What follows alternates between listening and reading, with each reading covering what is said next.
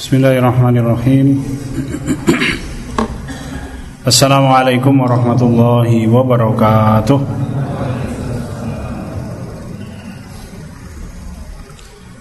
Alhamdulillahi rabbil alamin. Innal hamdalillah Nahmatuhu wa nasta'inuhu wa nastaghfiruh. Wa na'udhu billahi min syururi anfusina Wa min sayyiati a'malina من يهده الله فلا مضل له ومن يضلله فلا هادي له.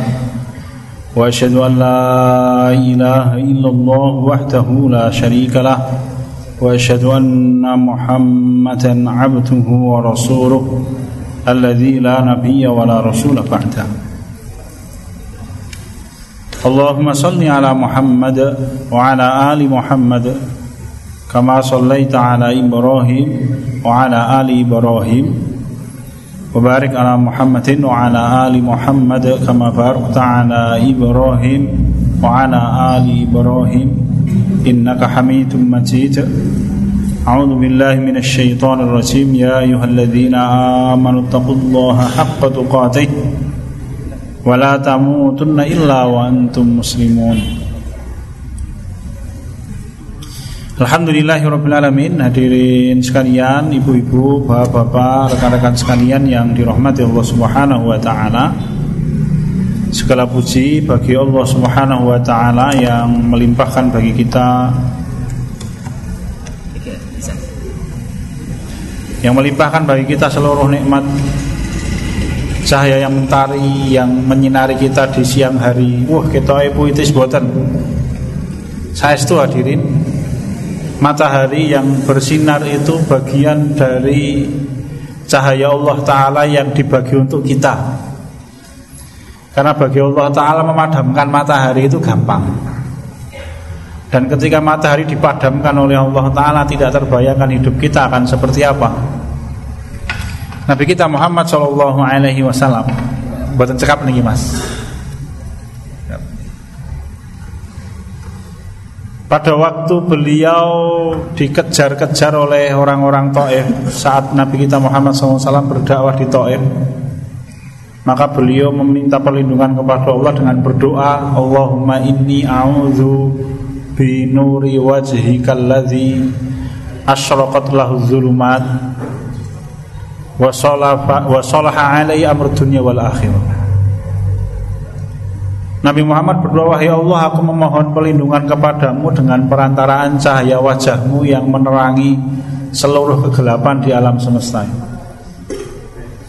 Jadi kalau kita menemukan Cahaya di alam semesta ini Itu bagian dari rezeki Kebaikan wajahnya Allah Ta'ala Yang Allah bagi untuk kita. Wis rasa dadak listrik Matahari itu Allah padamkan sanggup dan gampang bagi Allah Ta'ala memadamkan matahari. Kalau hari ini kita masih diizinkan untuk menikmati matahari Itu rezeki yang sangat besar yang diberikan oleh Allah. Maka seorang mukmin selalu bersyukur kepada Allah Dan semakin banyak umur yang diberikan oleh Allah Maka kedekatannya semakin besar. Kenapa? Karena dia tahu banyak sekali rezeki yang telah diberikan oleh Allah Terutama sekali ya keimanan kita kepada Allah Subhanahu Wa Ta'ala Ibu-ibu, bapak-bapak, dengan Allah wa iyyakum, kita bicarakan kesempatan kali ini ini terkait dengan penggalangan dana yang dilaksanakan oleh rekan-rekan kita sahabat Al-Aqsa. Kita akan bicarakan mat, satu materi ini buatan melanjutkan kita akan bicarakan materi tentang kepedulian. Sepatus kalau panjangan saya menjadi orang yang peduli lah.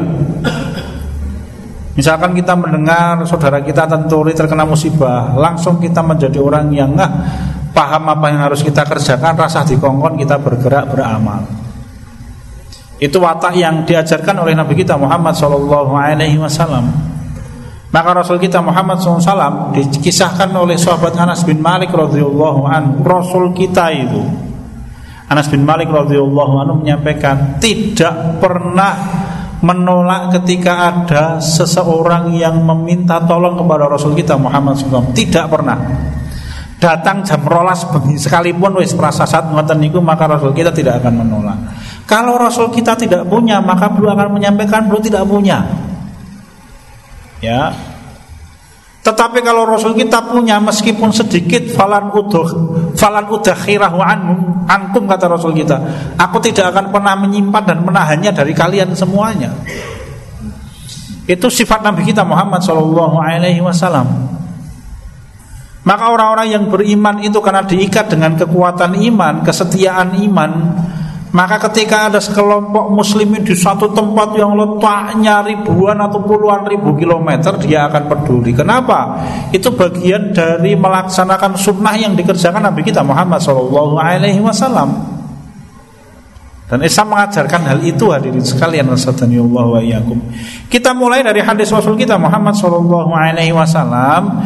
Kan Nabi kita Muhammad sallallahu alaihi wasallam paling sabda an Tamim bin Aus ad-Dari radhiyallahu anhu, anna Nabi sallallahu alaihi wasallam qala ad-dinun nasihah. Rasul kita bersabda bahwa Islam itu an-nasihah. Nasihat di dalam di dalam hadis ini nasihatul qalb, kesetiaan. Jangan dimaknai nasihatul lisan nggih. Karena Allah tidak butuh diberi nasihat lesan Nabi kita itu dijaga oleh Allah untuk ada di atas jalan kebenaran Maka dia tidak membutuhkan nasihatul lesan Ya, kecuali memang Rasul kita terbuka untuk menerima masukan sebagaimana ketika peristiwa perang Badar atau perang Khaybar. Tetapi secara umum Rasul kita dibimbing oleh wahyunya Allah Subhanahu wa taala. Kulna kami para sahabat bertanya liman Ya Rasul Islam itu kesetiaan untuk siapa? Nasihatul kolom untuk siapa? Qala maka Rasul kita Muhammad Sallallahu Alaihi Wasallam menjawab Lillah. Islam itu kesetiaan untuk Allah. Setia itu apa? Selalu ada setiap saat Kalaupun toh misalkan fisiknya jauh maka hatinya dekat. Tetapi seorang mukmin tidak akan pernah fisiknya jauh dari Allah Subhanahu wa taala, ora bakal. Hatinya dekat dan fisiknya dekat. Maka orang mukmin itu hatinya tunduk patuh kepada Allah dan fisiknya tunduk patuh kepada Allah. Dekatnya orang mukmin kepada Allah dengan cara mentaati Allah Subhanahu wa taala. Wali kitabi dan Islam itu kesetiaan untuk kitabullah. Bentuknya apa? Satu diimani dibenarkan. Yang kedua dilaksanakan. Yang ketiga dijaga kehormatannya. Jadi kalau kemudian beberapa tahun yang lalu kaum muslimin marah pada waktu ada orang yang mengolok-olok atau mempermainkan satu ayat di dalam Al-Quran dengan mengatakan jangan mau kalian dibodohi oleh surat Al-Maidah ayat ke-54 misalkan atau surat Al-Maidah ayat ke berapa wis Bapak. Ya Nek sebenarnya 52 ya ayyuhalladzina amanu la tattakhidul yahuda wan nasara awliya. Jangan mau kalian dibodoh marah kaum muslimin. Masalah nanti orang menganggap itu ada urusan politik oh urusannya awake dhewe. Tugas kula panjenengan sami adalah menjaga kehormatan Al-Qur'an. Mungkin ada di antara orang yang mengatakan Loh Allah itu orang butuh dijaga enggak Tetapi kita menjaga dan membela Al-Quran itu bukti keberpihakan kita kepada Allah. Bapak-bapak, ibu-ibu ini penting loh nggih.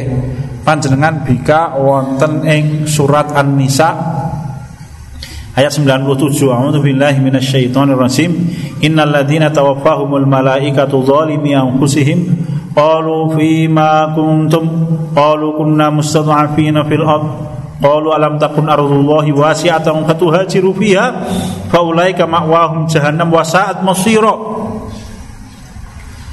Innalladzina tawaffahumul malaikatu sesungguhnya orang yang dimatikan oleh malaikat zalimi anfusihim dalam keadaan menggolimi diri mereka sendiri. Qalu fi kuntum mereka ditanya oleh malaikat ketika kalian mati dalam keadaan zalim itu kalian di mana? Qalu kunna mustadhafina fil ard. Mereka mengatakan kami ini orang-orang yang lemah di muka bumi ini. Maka malaikat bertanya, "Kenapa kalian tidak mau berhijrah sedangkan bumi ini luas?" Alam takun ardullahi wasi'atan fatuhajiru fiha Faulaika mawahum jahannam Lajeng Allah ngendika orang itu tempat kembalinya neraka jahanam Ayat ini turun berkenaan dengan sekelompok orang muridnya Nabi Muhammad yang tidak mau ikut hijrah ke Madinah sedangkan mereka punya kemampuan dan punya kelapangan untuk berhijrah tetapi tidak mau berhijrah. Pada waktu perang Badar mereka dipaksa oleh orang-orang kafir Quraisy untuk bergabung dengan barisan mereka sehingga ketika perang Badar mati salah seorang di antara mereka di dalam satu riwayat disebutkan beberapa orang muridnya kanjeng Nabi Muhammad SAW ini pada waktu sampai di Badar hanya berdiri mematung, tidak memegang senjata, tidak membawa pedang, tidak membawa tombak. Ya kenapa? Ya serba salah. Nek mereka bergabung dengan pasukan Quraisy ikut berperang melawan Rasul ciloko. Karena mereka melawan agama yang benar. Tetapi kalau mereka bergabung dengan Rasul, waduh ya ciloko yuan. Kenapa? Karena di kampung halaman mereka mereka punya keluarga, mereka tinggal bersama dengan orang-orang Quraisy. Karena serba salah apa yang dikerjakan, ngadeg jegegeg. Nek le ngadeg neng pinggir dalan ya paling meng kena bledong. Nek le ngadeg neng pinggir wit kambil ya paling ketiban kambil gitu Bapak nggih. Kalau ngadege neng pinggir warung sate ya paling mambu sate sing seger Bapak nggih. Ning nek le ngadeg neng tengah-tengah medan perang ya kesamplung pedang nek mboten ya kena tombak. Akhirnya kemudian salah satu di antara beberapa orang muridnya Nabi Muhammad itu kena pedang entah tombak entah panahnya kaum muslimin. Mati bapak-bapak. Dan kematian orang itu diketahui oleh para sahabat. Karena begitu perang selesai dimenangkan oleh kaum muslimin Mereka melihat satu persatu jenazahnya. Wih, jebule ada teman mereka yang tidak ikut hijrah ke Madinah Mati di tangan mereka. Geger kaum muslimin sedih tapi kemudian kesedihan itu dijawab oleh Allah dengan menurunkan ayat itu. Allah mengatakan faulaika ma'wahum jahannam. Orang itu tempat kembalinya adalah neraka jahanam. Uh, kenapa? Dosanya apa? Apa mereka berkata bohong dosa besar? Mboten. Apa mereka berzina? Mboten. Apa mereka mabuk? Mboten. Apa mereka membunuh kaum muslimin? Mboten. Apa dosa mereka? Para ulama ahli tafsir itu menyampaikan dosanya yang suruh sawadal kafirin karena mereka memperbanyak jumlah pasukannya orang kafir. Jadi pada waktu kaum muslimin berkonflik dengan orang kafir mereka salah berpihak. Ya ciloko bapak-bapak. Kau usah kau usah kebawa yang Pramila ya tadi kita sampaikan surat Al-Maidah 51 ya ayyuhalladzina amanu la tattakhidul yahuda wan nasara auliya wahai orang-orang yang beriman jangan kau jadikan orang Yahudi dan Nasrani sebagai wali pemimpin kalian. Ya meskipun penista Quran mengatakan jangan kalian mau dibodohi oleh surat Al-Maidah 51. Wali rasulihi dan Islam itu kesetiaan untuk rasulnya. Wali aimatil muslimin kesetiaan untuk pemimpin-pemimpin kaum muslimin. Wa amatihim Dan kesetiaan untuk kaum muslimin secara umum. Setia itu apa? Selalu ada setiap saat. Nggih. Setia itu selalu ada setiap saat. Kalau boso para ulama kok al-hubbu wal qarbu wal munasarah Kesetiaan itu cinta dekat dan selalu membela. Ya. Cinta setiap saat, dekat setiap saat dan selalu membela. Itulah kesetiaan. Ya, Bapak-bapak. Mari kita bicarakan. Nabi kita Muhammad Shallallahu Alaihi Wasallam menyampaikan al mukminu lil mukmini kal bunyan yashuddu ba'duhum ba'dha wa baina asafi'ah. Nabi kita Muhammad Shallallahu Alaihi Wasallam menyampaikan al mukminu lil mukmini seorang mukmin dengan orang mukmin yang lain kal bunyan ikatannya itu seperti ikatannya satu bangunan kalau tiang dibangun di satu tempat dia jegegek ngadeg di situ dan dia tidak akan pernah meninggalkan tempat itu selama-lamanya. Tidak mungkin tiang berjalan-jalan meninggalkan atap. Tidak mungkin atap ikut terbang meninggalkan tiang. Tidak mungkin. Mereka selalu ada di tempat itu setiap saat selama-lamanya. Ya, setia itu selalu ada setiap saat. Ya ba'dhum ba'dhum mereka saling menguatkan. Kemudian Rasul kita sabako, kemudian Rasul kita begini nih, mengaitkan jari jemarinya begini. Kokoh hadirin sekalian. J. Itulah kesetiaan kaum muslimin. Dan Rasul mengajarkan itu kepada para sahabat radhiyallahu anhum. Bahkan setianya mereka dengan sahabat yang lain itu sampai ada orang yang rela hartanya dibagi dua. Kapan itu? Pada waktu Abdurrahman bin Auf radhiyallahu anhu hijrah ke Makkah tidak membawa apa pun bapak-bapak. Istrinya tidak ikut keluarganya tidak ikut hartanya ditinggal seluruhnya di kota Makkah. Biji tok cinek bahasane wong Jawa nganggo klambi siji katok siji sampai di Madinah oleh Nabi kita Muhammad sallallahu alaihi wasallam kemudian beliau dipersaudarakan dengan seorang penduduk Madinah yang kaya raya namanya Sa'ad bin Rabi' radhiyallahu anhu. Kalau tidak salah Sa'ad bin Rabi' radhiyallahu anhu punika mangke mati syahid ketika perang Uhud. Kalau tidak salah nggih. Ini Bapak. Begitu dipersaudarakan maka kemudian Abdurrahman bin Auf diajak pergi bersama dengan Sa'ad bin Robe sampai di rumah diperlihatkan gudang kekayaannya. Orang umum mah, eh aku suka orang dia apa-apa toh. Tidak begitu. Sa'ad bin Robe mengatakan wahai saudaraku ini hartaku. Tak bagi dua, setengahnya untukmu dan setengahnya untukku. Tenanan bapak-bapak. Ya, betulan itu realita kehidupan yang dinikmati oleh para sahabat radhiyallahu anhu luar biasa Bapak-bapak. Tidak cukup itu bahkan saat bin Robek mengatakan wahai saudaraku aku punya dua orang istri.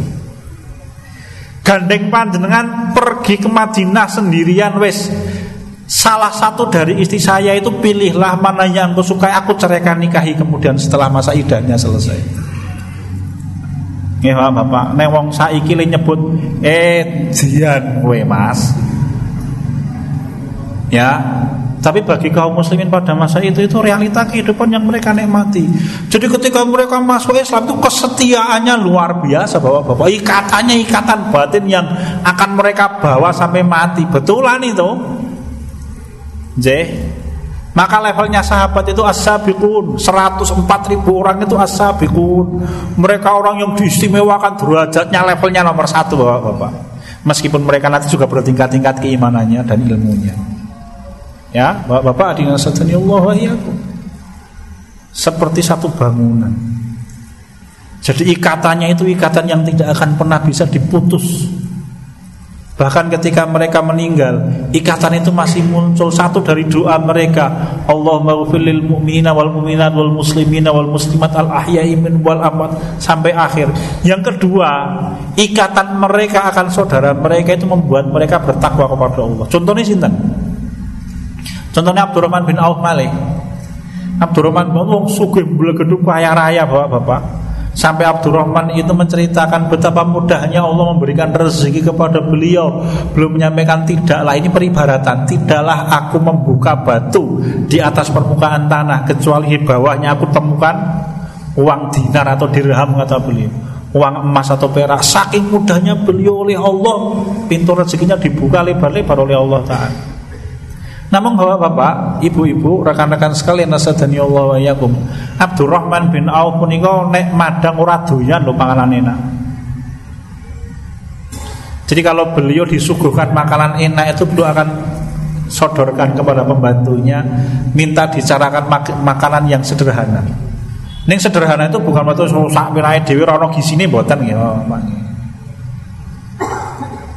Ketika pun ditanya kenapa, saya ingat Mus'ab bin Umair kata beliau belum menyampaikan sungguh di antara para sahabat Rasul itu ada orang-orang yang jasanya besar tetapi mereka belum pernah menikmati pahala dunia dan salah seorang di antaranya adalah Mus'ab bin Umair kata Abdurrahman bin Auf. Ora kelak loh Pak. Mus'ab sudah meninggal ketika perang Uhud. Ya, Abdurrahman bin Auf usianya panjang sampai habis masanya Umar bin Khattab ada sebagian yang mengatakan belum meninggal pada masanya. Osman bin Affan ada yang mengatakan begitu. J.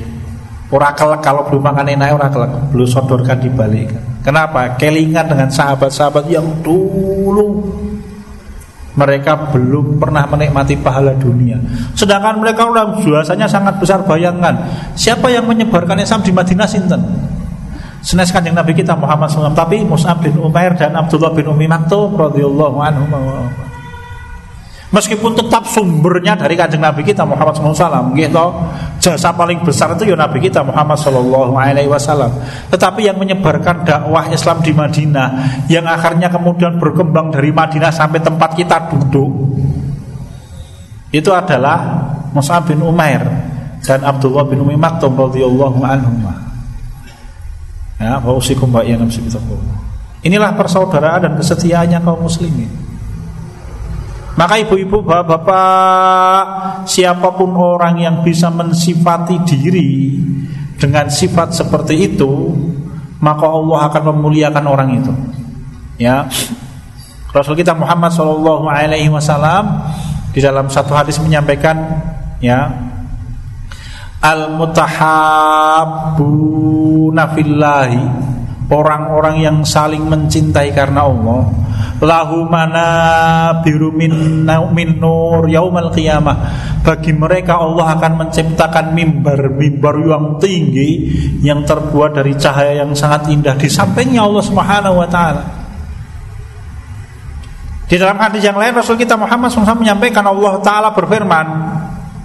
Ya pada waktu hari kiamat maka Allah menyampaikan ainal mutahabbuna bijalali di mana orang hari ini, di mana hari ini orang-orang yang saling mencintai karena aku kata Allah. Al yauma udhilluhum fi zilli yauma la zilla illa zilli. Hari ini Allah taala menyampaikan di bawah Bapak Ibu-ibu, mari kita peduli dengan nasib kaum muslimin di mana pun dengan niat karena kita mencintai mereka karena Allah Subhanahu wa taala.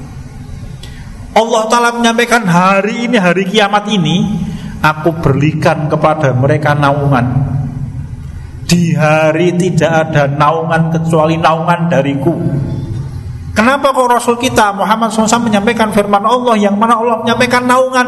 Karena ketika hari kiamat kita dikumpulkan yang padang Mahsar puniko Matahari diletakkan oleh Allah di atas kepala kita satu jengkal Pak. Di dalam riwayat yang lain satu mil 1,6 km di atas kepala kita. Di dalam riwayat yang lain satu jengkal Sekilan di atas kepala kita Bayangkan matahari yang sekarang panas ngeten ini berapa jalannya sekitar 129 juta kilometer. Besok matahari itu akan diletakkan satu jengkal di atas kepala kita. Panas buatan, oh jotekon gitu Pak. Jangan tanya. Kalau siapa orang yang diberikan oleh Allah Taala naungan ada tujuh kelompok, disebutkan oleh Rasul kita Muhammad SAW di dalam hadis yang lain sama'atun yudhilluhumullahu fi dhillihi la dhilla illa dhilluh. Ada tujuh kelompok manusia yang Allah berikan naungan dari kiamat di mana tidak ada naungan kecuali naungan dari Allah. Salah satunya adalah orang yang saling mencintai karena Allah Rajulani tahabba fillah ijtama alaihi wa tafarraqa alaihi. Dua orang manusia yang saling mencintai karena Allah, berkumpul karena Allah dan berpisah karena Allah. Bentuknya seperti apa? Seperti satu tubuh. Rasul kita nanti kok. Masalul mu'minina fi tawadihim wa tarahumihim wa. Masalil jasad Permisalan orang mukmin di dalam sifat kasih sayang lemah lembutnya itu satu tubuh rasanya. Wal.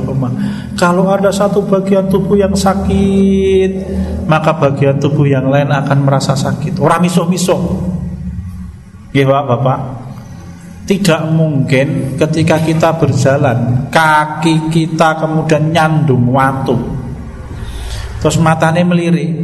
Sing dipilih jempole. Kemudian tanganin jiko watu terus jempole dideplok. Karo lesane miso. Wah, Bapak, oh, gandeng jempol randuwe moto ora iso mlaku. ada begitu, Bapak nih. Jadi kalau jempol kita terantuk batu maka kemudian tangan kita akan ngelus Nek lorot banget ya air mata kita akan mengalir di mata kita sampai ke pipi gitu.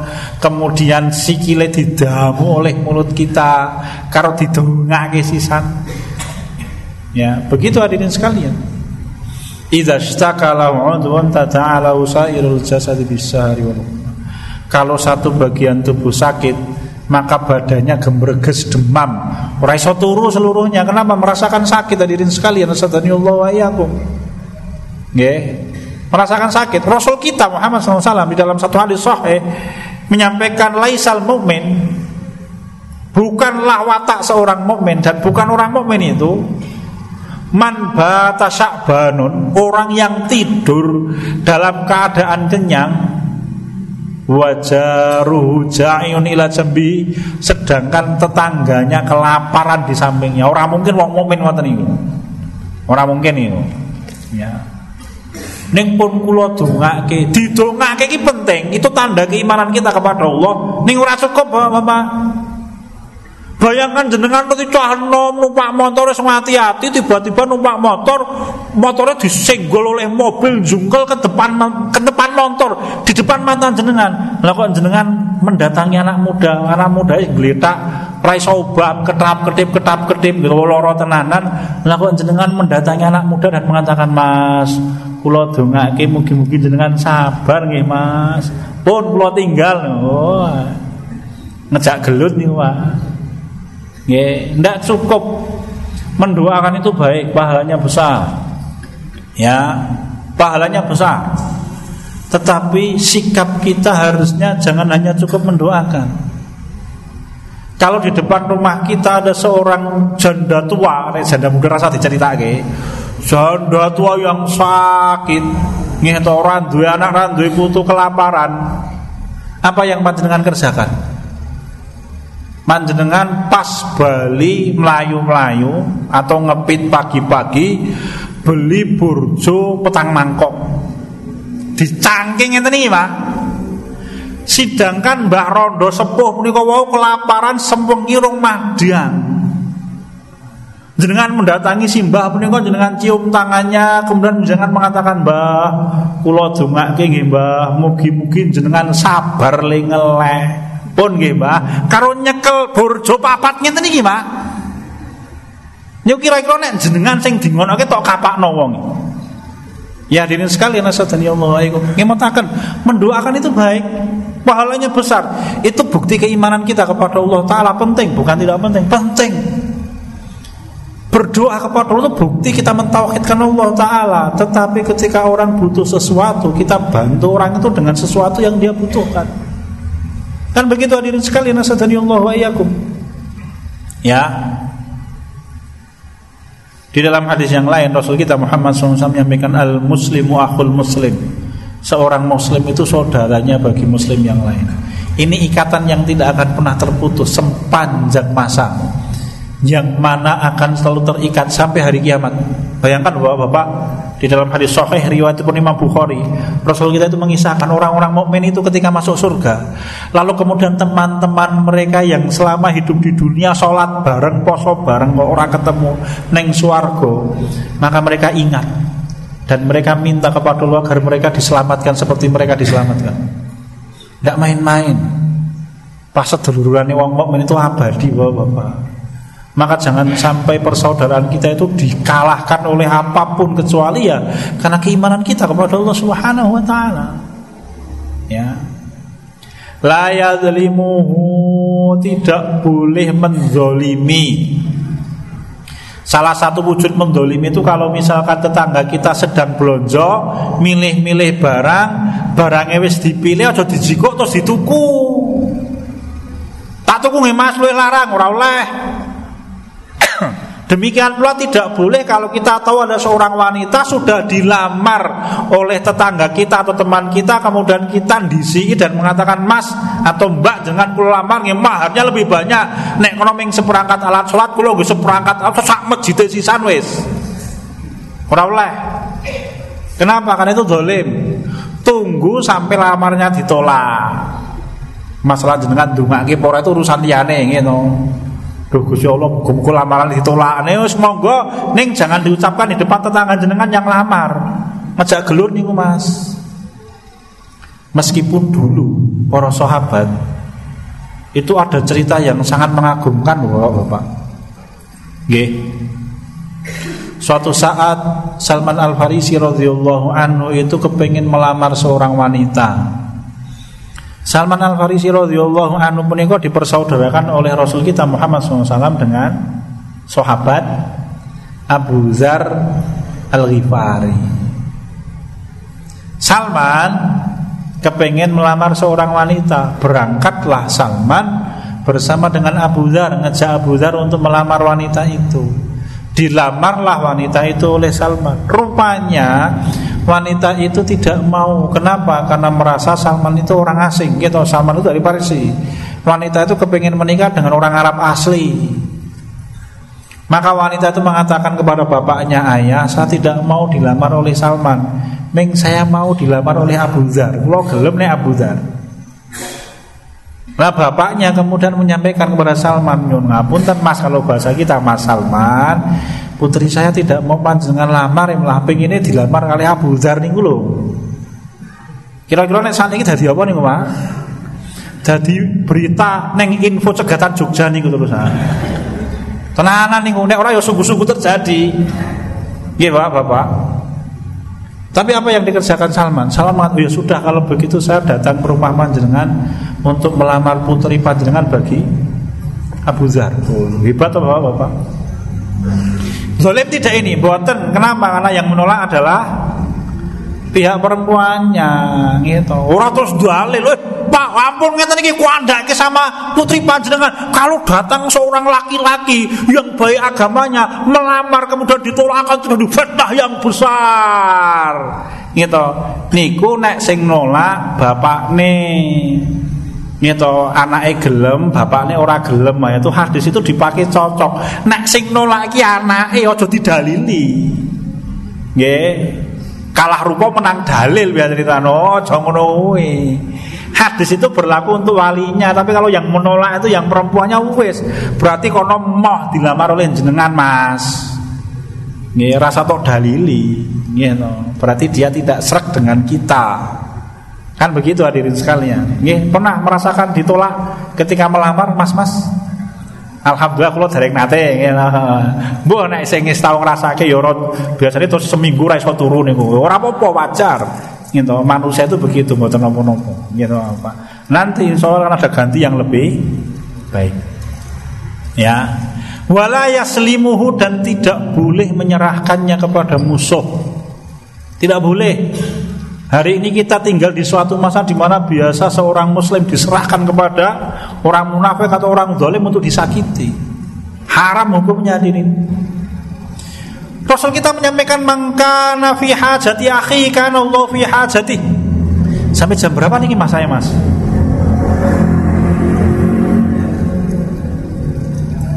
Karena ini setengah jam campur langkung kado sih. Barang siapa orang yang memenuhi hajat saudaranya Maka Allah memenuhi hajatnya. Nabi kita punya cicit Namanya Ali bin Husain bin Ali bin Abi Thalib. Beliau seorang ulama besar tabi'in. Bapak kebiasaan beliau itu setiap hari Beliau keliling kota Madinah Bawa karung gandum dibagi-bagi untuk kaum fakir miskin sak Medina diurutke.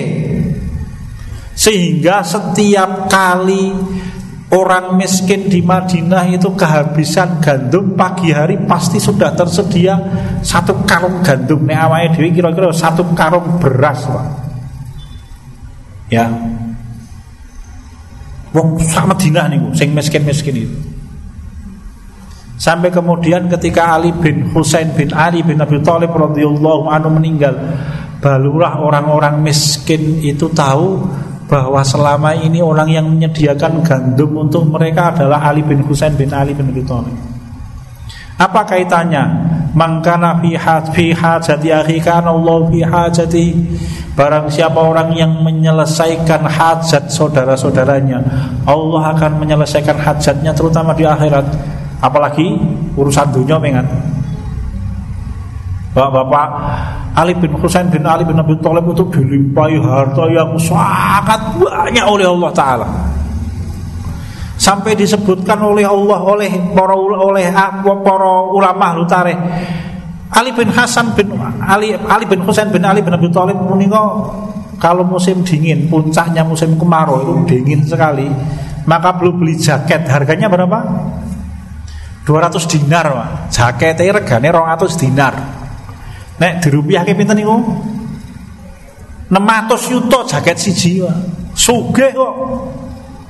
Dilayani betul oleh Allah Beliau seorang abid ahli buat seorang ulama besar tabiin dan kaya raya di sekalian.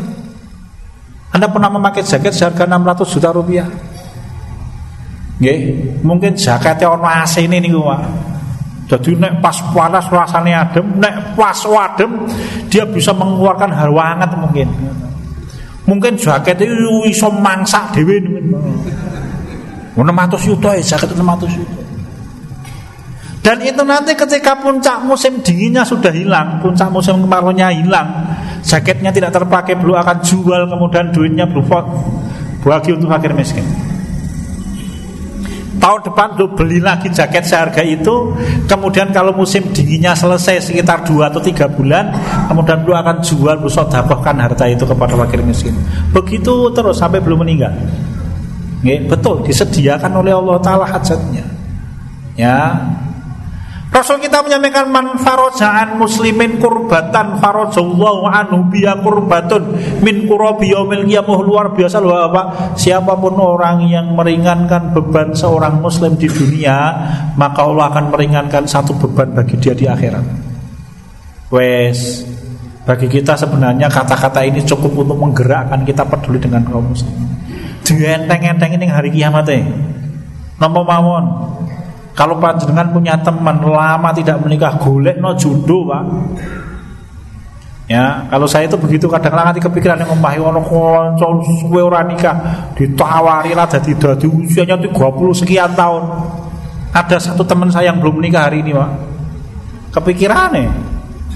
Kenapa? Karena kalau Anda menjodohkan dia kemudian dia menikah, namun jangan oleh ganjaran salawase kuwi. Ya. Kan begitu hadirin sekalian. Kalau kita punya temen rong duwe gawean, golek gawean. Karena dia butuh pekerjaan. Ya. Maka Allah akan meringankan beban kita di hari kiamat. Dan kita tidak tahu beban yang mana yang akan Allah ringankan. Semakin banyak beban kaum muslimin yang kita ringankan, maka semakin banyak keringanan yang Allah berikan kepada kita. Orang bakal rugi, walau bangkrut pas botan. Selama niat kita lillahi ta'ala orang bakal bangkrut peduli kepada kaum muslimin itu tidak akan membuat seorang muslim bangkrut. Tidak mungkin. Akan diganti oleh Allah Subhanahu wa taala. Meskipun mungkin nanti wujud gantinya tidak mesti duit. Ya. Kadang kala wujudnya itu berbagai macam. Keluarganya anak pinter-pinter soleh-soleh Mapan-mapan uripe rakyatan wong tuane tetap sederhana Berada di alam kesederhanaan dia Tapi dia nikmati seluruhnya itu hadirin sekalian Kenapa? Karena menyelesaikan masalahnya kaum muslimin Bapak-bapak, ibu-ibu ingat firman Allah Wa yu'thiruna ala anfusihim walau kana bim khasasah